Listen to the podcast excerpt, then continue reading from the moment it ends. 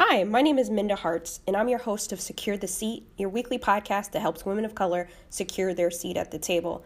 And it's not about getting your seat and just kicking your feet up and being the only one, it's about bringing other women of color along with you. So if you have influence in your room, make sure you're using it for good.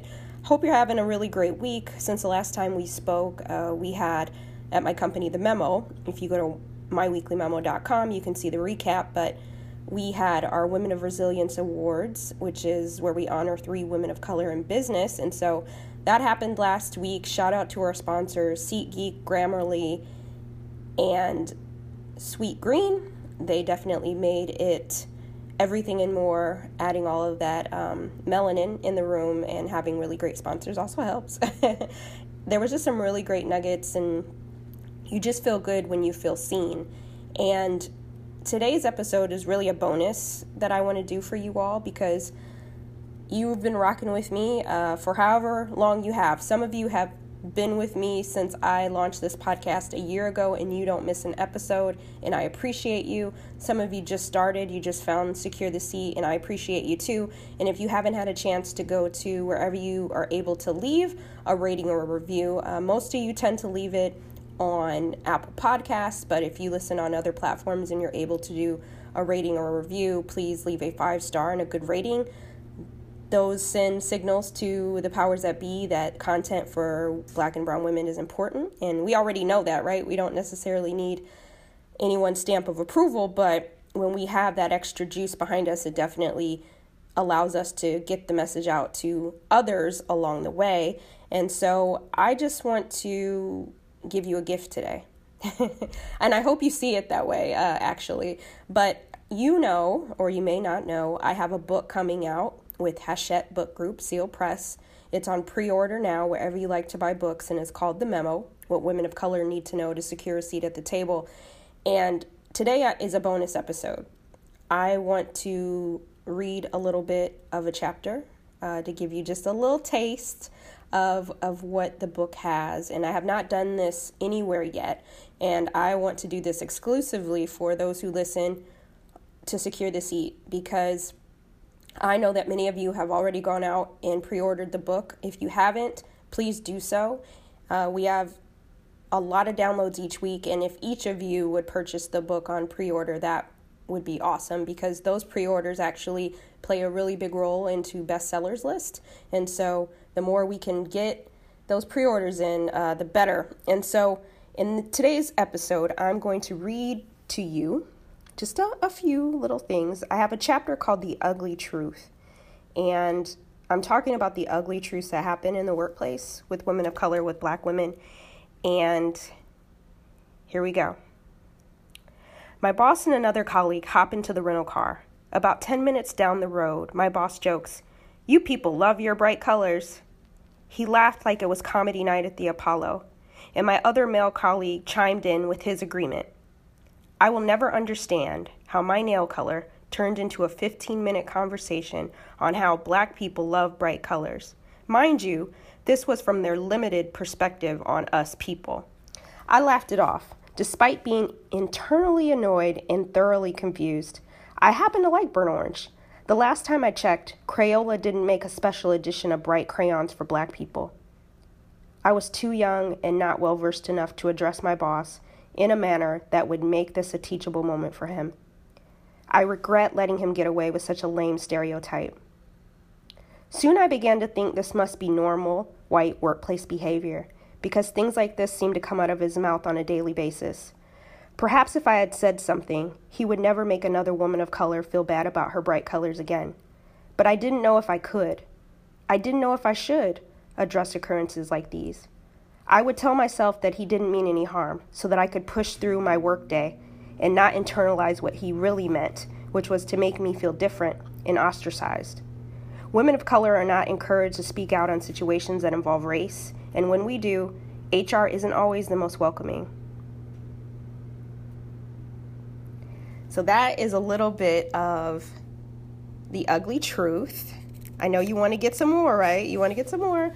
Um, I'm going to read a little bit more. Um, I'm going to skip a little bit. That was just to give you a little Costco, Sam's Club taste, and I'm going to read a little bit more on this. I spent over two decades working in environments where I was the only woman of color in the office, and I learned a lot. I learned how to play the game. I learned how to play it so well you could fly me to Vegas and let me deal the cards. White people are so good at this imaginary game of life and continue to get ahead, mainly because they don't have systemic issues that beat them down each day, so they are free to spread their wings and fly. And I'm not mad at them. I scouted, I studied, I implemented. I wanted to get ahead, but it would take more than a simple Google search to find the rules to this game. No one sends the black and brown community a care package with the tools we need to thrive in a workplace that wasn't designed for us to advance. Some of us figure it out, some of us muck it up for everybody else, and some of us want to be the only person of color and decide never to share the secret sauce. I know what it takes, and I'm sharing the wealth. Jesus loves all his children and wants us to win like DJ Khaled, and it takes a particular art. You have to finesse this thing like your name is Bruno Mars. Okay, okay. I can't get too audiobook on you all just yet. I actually have to uh, read my audio, record my audiobook in a couple of weeks, and I just wanted to give you guys a little sauce, a little flavor of some of what the book is about. And um, this is just a bonus episode for you to keep encouraging you. Uh, I'm just so excited for you all to get your hands on this book in August because it's so important that we have resources that are talking to us. Oftentimes, we have to read career books written by people that don't look like us, and then we have to fit into their box. And now it's time for them to read about our experiences, many of ours. Obviously, I don't speak for every black woman or every brown woman in the workplace, but regardless of if you work at the drive through window at McDonald's or you are at the top floor of Google, respect is just a minimum. And you should have equity, you should have agency, and you should be seen. And that is why the memo, What Women of Color Need to Know to Secure a Seat at the Table, is so important to me. And so I hope you're having a really great day. You know, I got to make these short and sweet sometime. and um, I'm actually traveling and doing some speaking, but I wanted to make sure that we engaged with each other this week didn't want to leave you hanging. But uh, you know that I am a lover of grits and rap lyrics. And so, in honor of uh, Notorious B.I.G., his birthday was this week. Was it this week or last week? Um, recently. And I don't know about you, but my days start to just kind of like blend together. And he, um, I want to give you something from him. So the Biggie verse is from One More Chance, and he says, lyrically, I'm supposed to represent, I'm not only the client, I'm the player president.